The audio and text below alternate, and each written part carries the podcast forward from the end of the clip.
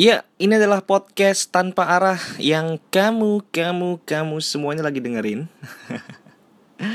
oh man, it's been a long time and finally I'm back for this podcast. Yang jelas sebetulnya nggak ada pendengarnya sih. and of course with me, Indra Adiguna. Hmm, but first before I started, uh, thank you man yang kemarin udah kasih uh, kirim-kirim email ya di podcasttanpara@gmail.com uh, walaupun belum ada pertanyaan yang kalian kasih tapi paling nggak saran-saran itu uh, pastinya saya baca kok. Kemarin kayak ada beberapa yang kayak kasih masukan gitu. Kayak bang namanya jangan podcast tanpa arah coba kasih namanya tanpa arah podcast. Jadi disingkatnya enak jadi TAP gitu tap ya kayak gitu gitulah terus kemudian ada yang uh, kasih apa namanya masukan uh, ini podcast kok cuman ngomong doang gitu nggak ada background uh, background musiknya atau dipotong kasih lagu apa kayak gitu Aduh, ya emang gitulah. Terus kemarin juga ada temen lah mungkin ya mau aja dia mau kasih jingle untuk di depannya. Wah itu seneng banget lah akunya kalau itu dia mau bikinin gitu. Tapi ya thank you lah. Paling nggak kalian udah mau meluangkan waktu sekian menit lah untuk uh, kirim uh, apa namanya uh, email ke sini. Yang sebetulnya juga minimal ada dua orang aja yang dengar udah. Pasti. Pasti akan bikin lagi. Tapi beberapa hari yang lalu sempat kayak ngecek uh, berapa jumlah listeners gitu ya di channel YouTube, kemudian di SoundCloud dan juga di aplikasi podcast di iOS tentunya. Uh, jujur sebelumnya nating tulus sih nggak ada uh, ekspektasi apa pun ya. Tapi kemarin dicek ya adalah paling nggak di YouTube sampai sekitar ya, hampir 50, kemudian di uh, apa namanya di SoundCloud juga ada sekitar 40 lah 40 something nggak tahu detailnya berapa. Terus kemudian juga sempat upload di Mixcloud. Itu juga ada beberapa pendengar lah. Jadi kalau misalkan dihitung-hitung adalah kalau 100 kali uh, untuk edisi perdana kemarin didengerin sama kamu-kamu semua. Itu juga seneng banget lah. Maksudnya uh, orang yang nothing seperti saya ini ternyata juga didengar gitu di ternyata juga ada pendengarnya gitu di dunia internet gitu ya yang jumlahnya ya kurang lebih 100 lah. Ya kalau hitungan public figure gitu ya pasti meledak dong. Iya tapi kalau mengingat nama seorang Indra Diguna siapa yang tahu gitu kan? Kayak penting amat podcastmu didengar orang. Atau kamu siapa gitu? Ya kayak gitu gitulah oh ya sama beberapa masukan yang bagus kayak hmm, untuk sementara ya. Terus kayak nanti podcastnya jangan sendiri gitu.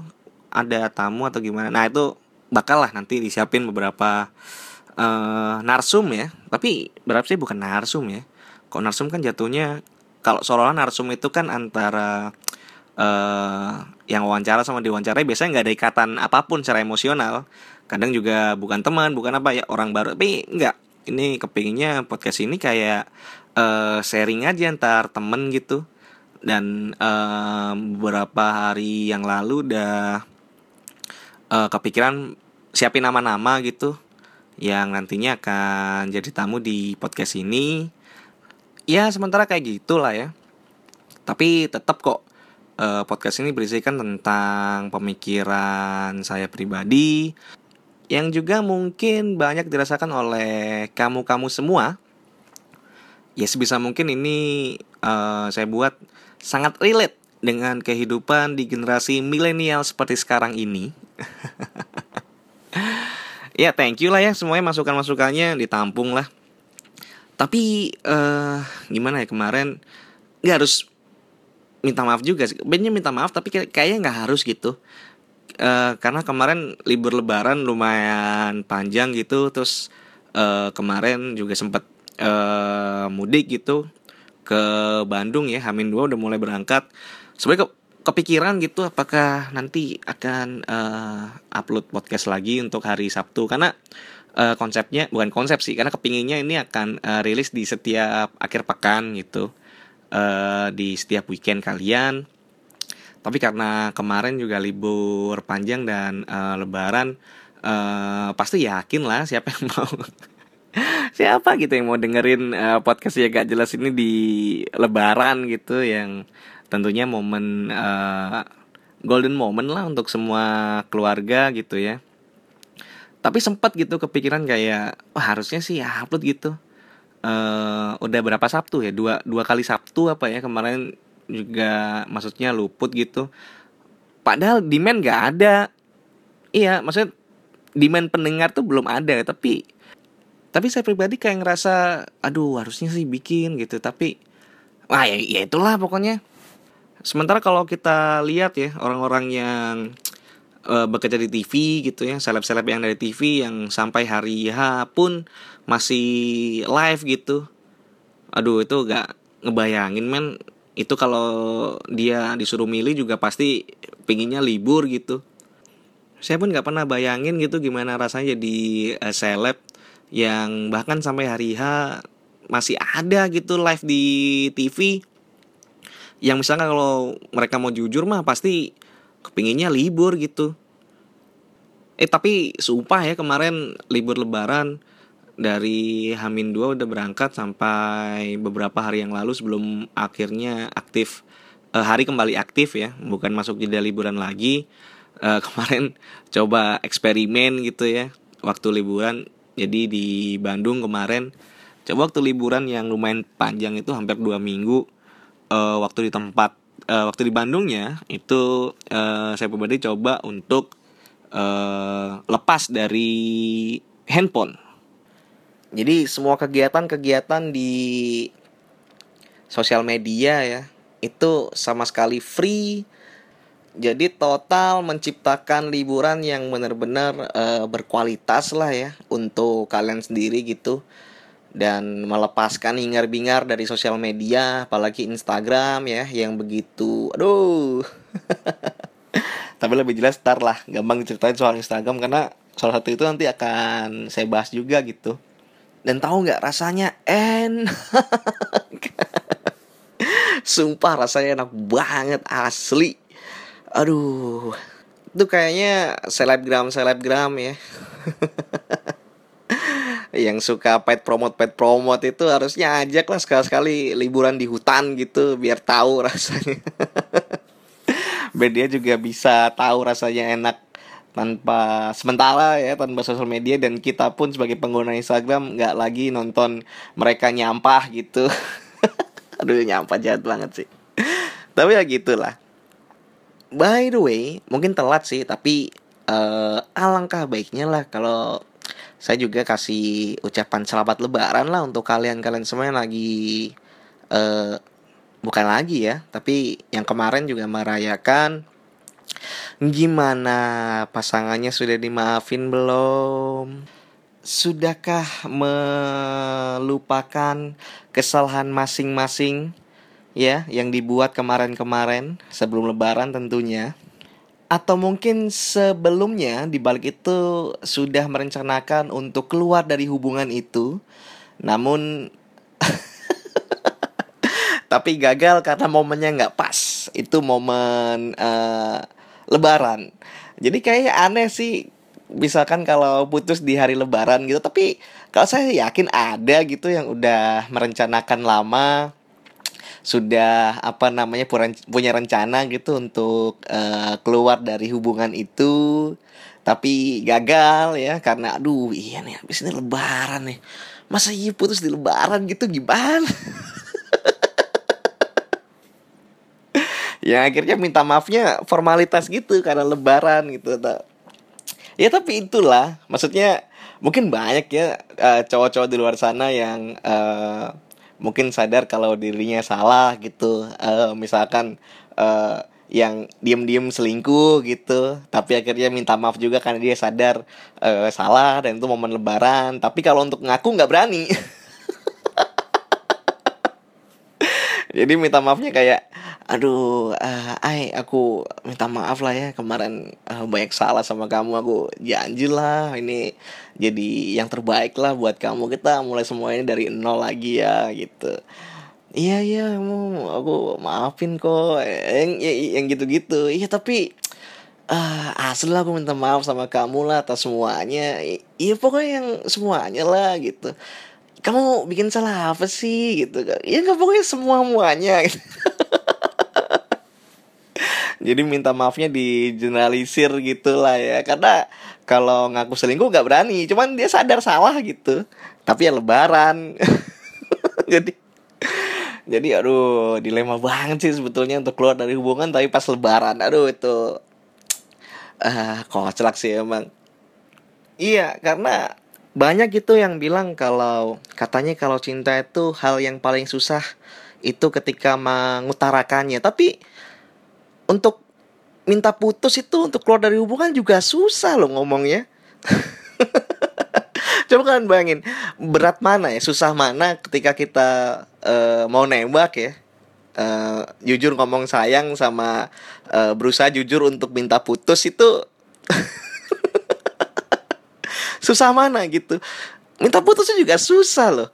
Apalagi kalau kemarin tuh temanya lebaran ya di di di mau nomor tertentu gitu yang pastinya uh, bikin kita jiper gitu kayak uh, akhirnya karena ada momen tertentu kayak kita nggak berani untuk uh, minta putus gitu. Jujur bilang putus susah gitu. Kayak tadi lebaran lebaran juga rasanya nggak mungkin ya uh, ada yang uh, apa namanya putus di hari lebaran gitu. Terus kemudian kayak uh, di ulang tahun masing-masing. Itu juga kayaknya susah sih kalau uh, bilang jujur mau putus gitu. Apalagi kalau misalkan uh, salah satu pasangannya hitungan gitu. Kayak duh dia kemarin ulang tahun mau kasih kado. Kalau putus sekarang besok aku ulang tahun nggak dikado dong. Jadi nunggu dulu dikado baru setelah itu minta putus itu yang hitungan banget sih. Tapi mungkin kalau Natal untuk yang beragama lain juga mungkin sama sih. Nggak mungkin me, apa namanya bilang minta putus gitu di hari yang uh, sakral gitu ya. Di sisi lain juga kadang ada yang diuntungkan uh, ketika salah satu pasangannya itu kok pas dia tuh lagi selingkuh gitu Padahal sebelumnya udah lama sih kepikiran aduh nggak kuat di hubungan ini kepingin keluar tapi kok pas momentumnya boom dan dia selingkuh wah ini mungkin waktu yang tepat untuk uh, mengakhiri hubungan gitu jadi begitu putus pun eh, nggak uh, jadi pihak yang seakan-akan salah Iya kan tahu kan kalau putus kan selalu ada pihak yang menjadi pihak yang benar dan pihak yang salah. Nah kebetulan dia selingkuh tuh, jadi jadi momennya momennya bisa pas gitu.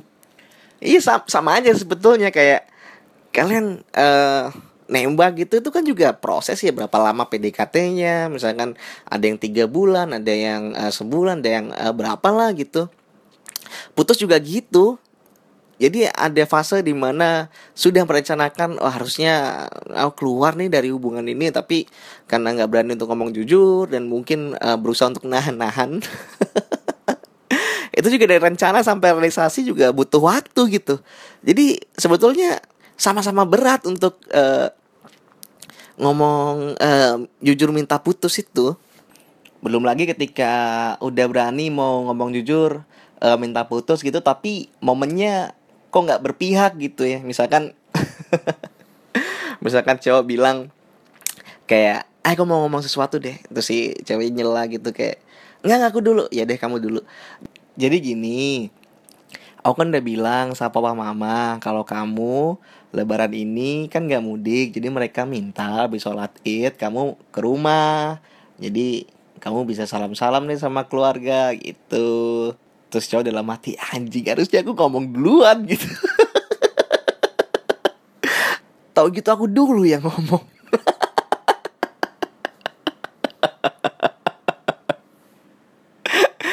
aduh gak jadi putus lagi gitu. Aduh, itu lucu banget sih emang. Iya loh sumpah itu juga butuh treatment khusus gitu untuk uh, berani bilang uh, jujur mau putus. Kayak uh, ada teman cewek itu pernah cerita pernah uh, curhat. Kayak nanya gitu Dra gimana cara biar aku bisa keluar dari hubungan ini? Dia tuh emang bangsat banget lah. Dia udah selingkuh berkali-kali aku tuh pengen keluar dari hubungan ini. Tapi aku nggak berani Dra Dra please ajarin aku untuk bisa berani bilang aku ingin keluar dari hubungan ini. Terus di dalam hati dia minta saya untuk ngajarin dia buat berani. Nah saya gitu. Saya ini kepingin banget keluar dari grup WhatsApp keluarga lama banget. Saya gak berani sumpah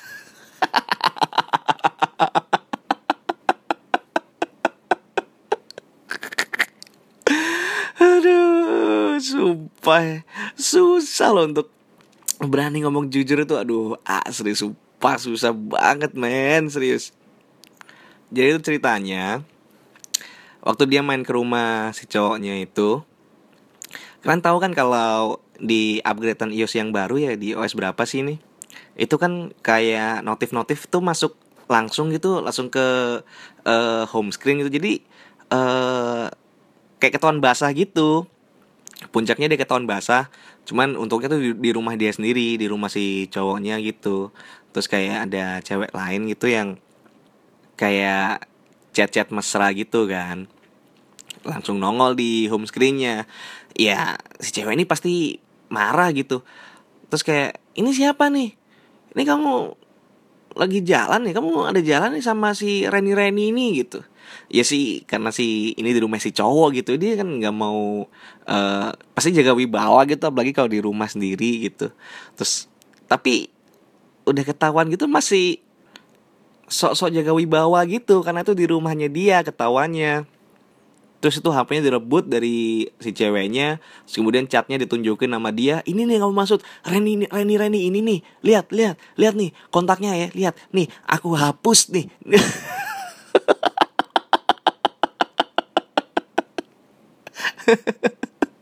Jadi sambil malam-malam pengen nunjuk-nunjuk kontaknya si Reni Reni itu si selingkuhannya.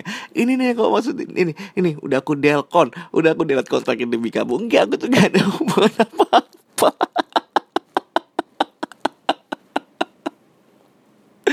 aduh, aduh kacau men ya maksudnya lucu aja gitu udah ketahuan uh, ketahuan ketangkap basah gitu ya tapi masih uh, sosok me me menutupi dengan cara yang aduh sumpah konyol habis. Iya gitu karena mungkin benar gitu banyak yang bilang kalau uh, selingkuh itu emang identik dengan kebohongan gitu ya. Maksudnya uh, kalau kalian punya pasangan yang uh, suka bohong gitu ya mungkin patut dicurigai lah Iya karena dalam uh, sebuah relationship gitu pasti uh, kedua belah pihak gitu. Nggak cuma satu pihak nggak cuma ceweknya doang atau uh, cowoknya doang yang uh, bohong. Dua-dua juga pernah bohong gitu. Cuman emang i, i, sama-sama brengsek lah. Cuman intinya kalau cowok lebih gampang ketahuan aja sih masalahnya. Nggak tahu kenapa kalau uh, cowok bohong ke ceweknya itu lebih gampang ketahuan aja sih gitu. Karena ya gimana perempuan itu kan ibaratnya yang uh, diajak keluar gitu ya. Ya anggap aja misalkan kalau dalam satu hubungan nih terus kemudian uh, dua-duanya sama-sama selingkuh yang cowok selingkuh yang cewek juga selingkuh jadi masing-masing udah punya pacar dan mereka saling uh, jalan gitu. Ya kalau cewek enak gitu misalkan habis keluar sama selingkuhannya terus diantar ke rumah kemudian cowok aslinya telepon ke si cewek gitu kamu lagi di mana? Ya dia nggak perlu bohong itu dia bilang aja dia di rumah. Ya, emang kan di, di rumah gitu. Jadi nggak nggak nggak bohong walaupun itu sama ada selingkuhannya main ke rumah si cewek ini. Tapi bayangin gitu situasi yang sama nggak bisa dibalik gitu. Yang cowok juga begitu di telepon sama cewek juga bingung kamu lagi di mana? Ya si cewek nih si cowok ini bingung lah pasti mau jawab apa. Dia ngomong lagi di rumah juga dia lagi jalan nih sama selingkuhannya yang mungkin dipacarin juga gitu. Dia dia ngomong keluar sama temennya juga sama gitu. Selingkuhannya masa ya dianggap temen doang sih? Jadi jadi dua arah gitu bohongnya yang si sama selingkuhannya juga selingkuhannya nggak tahu dia punya pacar. Jadi kompleks lah gitu. Jadi lebih gampang sih kalau uh, cowok itu bohong pasti gampang ketahuan gitu. Itu doang yang bedain walaupun uh, kalian sama-sama brengsek juga. Ah dan yes uh, 20 menit udah bisa dilewati di podcast edisi kali ini. Eh uh, tapi uh, seriously aku juga pengen uh, lagi pengen bahas gitu soal uh, apa yang selama ini jadi hype uh, contohnya kayak di Instagram gitu. Dulu bikin akun Instagram kalau saya pribadi dulu tuh uh, sekitar tahun 2000 uh, antara late 2011 kalau nggak salah ya kalau nggak baru 2012 gitu. Atau udah lama banget lah lumayan. Kalau ditutup sekarang berarti udah hampir lima tahun lah. Cuman uh, waktu itu nggak emang nggak seberapa aktif di posting-posting itu di apa namanya di Instagram.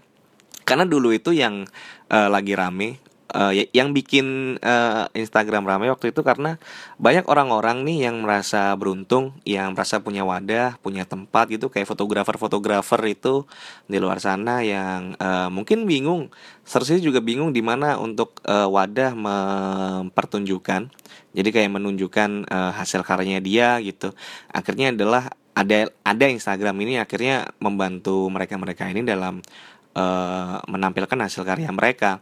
Jadi kalau nggak salah di 2012 itu juga banyak lah akun-akun kayak Instan Nusantara, kemudian uh, kayak ya mirip-mirip travel blogger gitu ya, tapi mereka khusus di foto dan akhirnya punya wadah sampai 2013 2014 gitu. Terus kemudian di 2014 postingan terakhir yang akhirnya vakum main uh, Instagram lagi sampai akhirnya bulan Mei kemarin baru buka lagi. Jadi artinya mungkin hampir tiga tahun nggak tahu perkembangan Instagram kayak apa dan sumpah ini nggak tahu gitu apakah saya yang mispersepsi atau misinterpretasi gitu.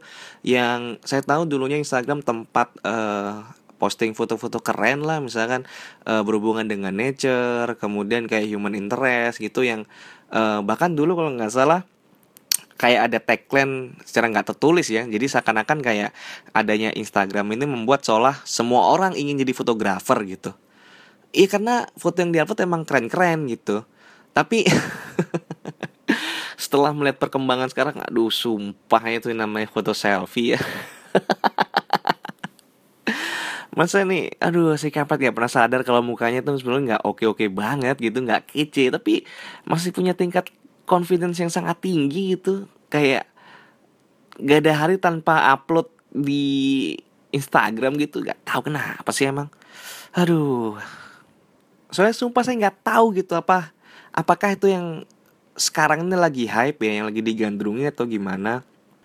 Bahkan sekarang udah ada paid promote yang di nggak apa mas selebgram selebgram itu yang dulu nggak ada rasanya istilah selebgram itu terus kemudian juga dunia advertisingnya semua kayak iklan-iklan uh, korporat gitu uh, udah masuk di ranah Instagram. Padahal penelitian di Amerika itu udah ada loh yang uh, kasih apa namanya kasih result bahwa Instagram ini salah satu uh, sosial media yang bikin toxic gitu yang bener-bener racun sebetulnya. Nggak tahu dari sisi mananya entah dari sisi uh, mentalitas dari sisi psikologi gitu yang seolah-olah uh, kepingin uh, bukan pingin ya kayak seolah menunjukkan bahwa uh, dia ini sedang bahagia gitu. Jadi apa pun sama mereka tuh di share gitu ya. Apa pun itulah kayak momen kemudian kayak apa yang mereka punya gitu. Kayak penting banget gitu kayak semua orang harus tahu kalau uh, dia ini lagi bahagia gitu. Padahal realitanya mungkin jauh uh, dari kenyataan gitu dengan apa yang uh, mereka posting di Instagram. Iya kayak belum lagi ini ya du dulu mah 2012 sampai 2014 sih nggak tahu ya itu semenjak kapan ada uh, stories ya. Apalagi kalau sekarang lihat stories kayak hey semuanya kayak kita lagi di ini, aduh, fuck sumpah. Karena di Instagram Story juga begitu, maksudnya apakah itu cara ngomong orang biasa gitu? Maksudnya kalau ngobrol biasa juga nggak ngomongnya di oktav itu gitu. Kayak sebenarnya ngomongnya biasa aja tapi kayak kayak kayak so asik banget lah sumpah gitu. Belum lagi kemarin karena lebaran Aduh itu sumpah di Instagram ya uh, semua orang kayak uh, menunjukkan uh, betapa bahagianya keluarga masing-masing kemudian di uh, posting di Instagram gitu. Kayak apa gitu yang diharapkan uh, ketika kalian selalu intens uh, posting ya di Instagram itu bingung aja gitu saya apakah tolak ukur kebahagiaan itu hanya dengan jumlah love atau like atau komen yang di Instagram kalian gitu sehingga menandakan bahwa kalian ini populasi tertinggi di society gitu? Eh, nggak nggak tahu gitu. Kayak apalagi kemarin lebaran gitu ya. Semuanya tuh sumpah diposting dari keluarganya dari perjalanan dan sebagainya. Maksudnya apakah uh, taruhlah oke okay, uh, upload lah. Kayak satu gitu nggak bisa ya apakah satu foto tuh nggak bisa dijadikan representasi dari kebahagiaan uh, kalian gitu yang sedang ada di uh, momen lebaran itu? Tapi kayaknya enggak gitu kayak banyak banget gitu belum lagi yang ada story itu aduh buset. Bahkan itu story bisa jadi kayak cerpen gitu. Eh, bukan cerpen kayak jadi kayak film pendek gitu. Saking panjang banget gitu kayak seolah-olah semua orang harus tahu kalau kalian ini lagi bahagia gitu. Aduh gak tahan sih sumpah. Huh. Enggak maksudnya uh, bener gitu kayak dulu uh, entah kalian ngenotis atau enggak ya dulu uh, 21 Desember gitu kayak hari ibu ada uh, meme komik ya semacam meme gitulah uh, yang kayak gambar uh, skate kartun gitu yang kayak kasih gambaran bahwa kalau hari ibu itu kalian begitu dekatnya sama ibu Iya kan? Terus kemudian foto berdua Terus kasih caption-caption bijak soal hubungan anak dan ibu Atau uh, seberapa besarnya jasa seorang ibu untuk kalian gitu. Tapi di gambar yang lain, di sisi yang lain, di skate yang lain itu Kalau ada kayak di visualkan tuh Kalau ibu kalian nyapu, kalian mah duduk aja di sofa Tiduran di sofa sambil HP-an gitu. I Iya kayak, maksudnya kayak gitu. Apa yang terjadi di real life itu kadang bertolak belakang apa sama apa yang ditunjukkan di uh, postingan Instagram gitu. Apa ini yang uh, sekarang lagi hype gitu ya? Padahal dulu mah nggak ada loh yang gini-gini itu. Semua tuh tetap foto pemandangan uh, alam gitu ya human interest atau gambar uh, building ya, kayak gitu gitulah itu sebelum lagi kayak uh, kalian pasti emosi lah kalau uh, ngelihat uh, kayak sekarang di uh, line kan ada line today tuh. Jadi banyak lah berita-berita yang akhirnya uh, yang kita bisa baca lewat uh, line gitu. Kadang judul sama isinya kan nggak nyambung tuh. Misalkan kayak uh, pria ini memakan ular dan uh, pria ini dimakan ular dan ternyata pria ini adalah kayak gitu kan. Ternyata judul sama isinya tuh beda gitu. Tuh pasti sebel lah. Kita udah klik gitu. Itu pasti udah apa namanya keuntungan lah buat yang pemilik berita gitu. Karena semakin dikunjungi kan berarti uh, semakin terbuka lah peluang untuk dapat duit gitu. Itu kan kita sebel gitu. Harusnya sih kalian sebel gitu juga sama sebelnya gitu. Kalau kalian ngelihat ada uh, uh, teman kalian gitu yang posting di Instagram fotonya foto selfie gitu. Nggak tahu manyun kayak dimiringin yang yang uh, mereka mencoba trying hard gitu mencari foto yang terbagus yang mereka punya di galeri dan nggak mungkin satu angle gitu diambil cuma satu kali yang pasti banyak banget. Terus kemudian udah mukanya nggak kece-kece banget tapi terus tahu gak captionnya tuh caption bijak gitu yang kayak hidup adalah sesuatu yang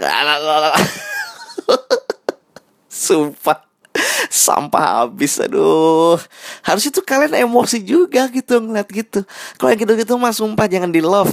Nih orang makin kalian love itu dia nih nggak sadar kalau dirinya ini nggak pernah sadar gitu kalau aduh sumpah. Aduh men. Nggak tahan lah lihat yang gitu-gitu.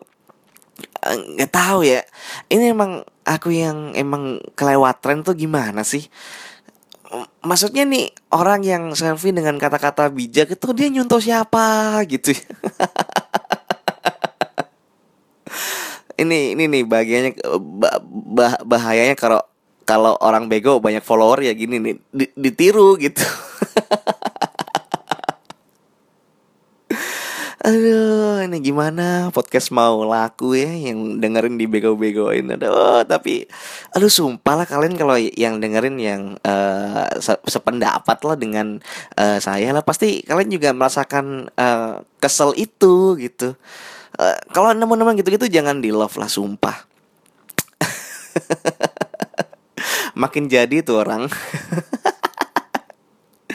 aduh iya sih bener lah kalau ada yang bilang kalau memang uh, cari pasangan gitu ya janganlah kalau lewat uh, Instagram gitu.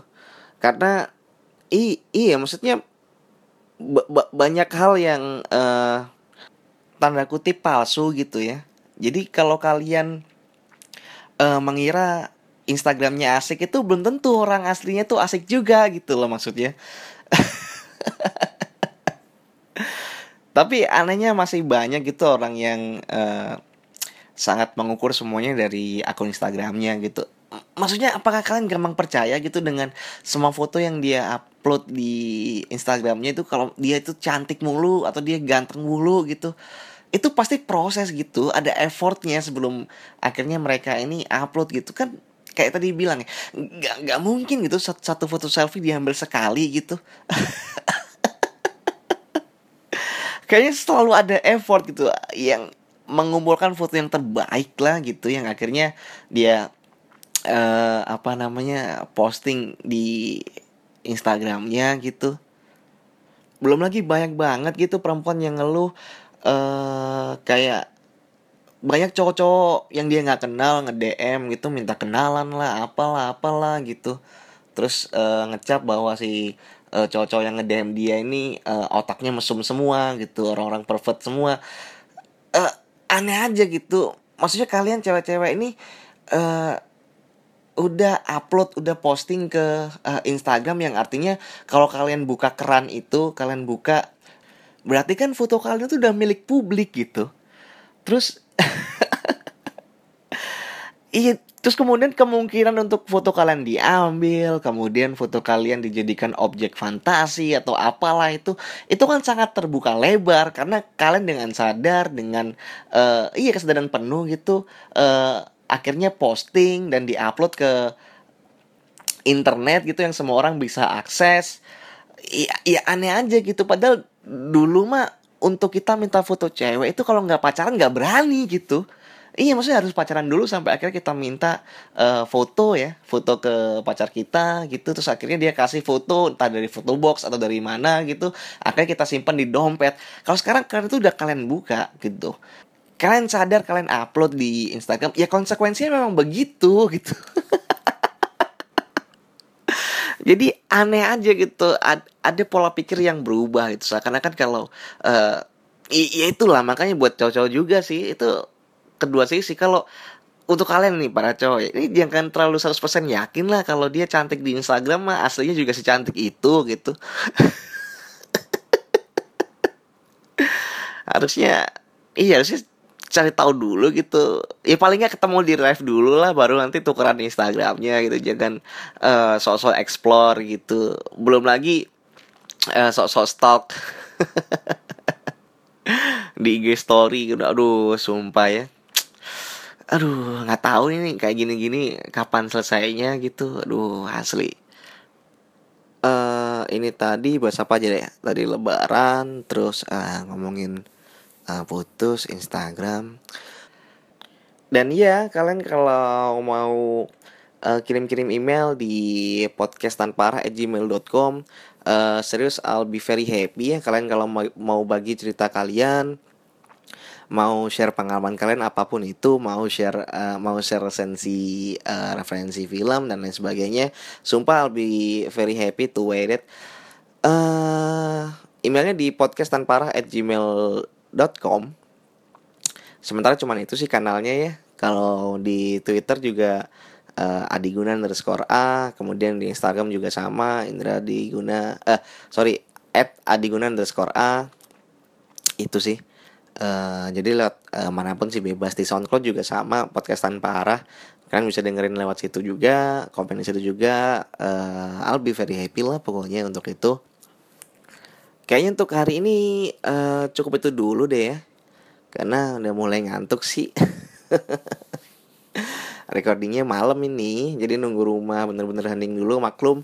Uh, recordernya standar aja jadi uh, gampang ke distract kena noise kalau uh, rame dan tentunya ya nggak asik aja lah kalau didengerin ya. Moga kalian semua terhibur paling nggak ketika kalian dengerin ini ya minimal senyum-senyum tipis lah. Itu aja yang bikin uh, akhirnya saya bersemangat untuk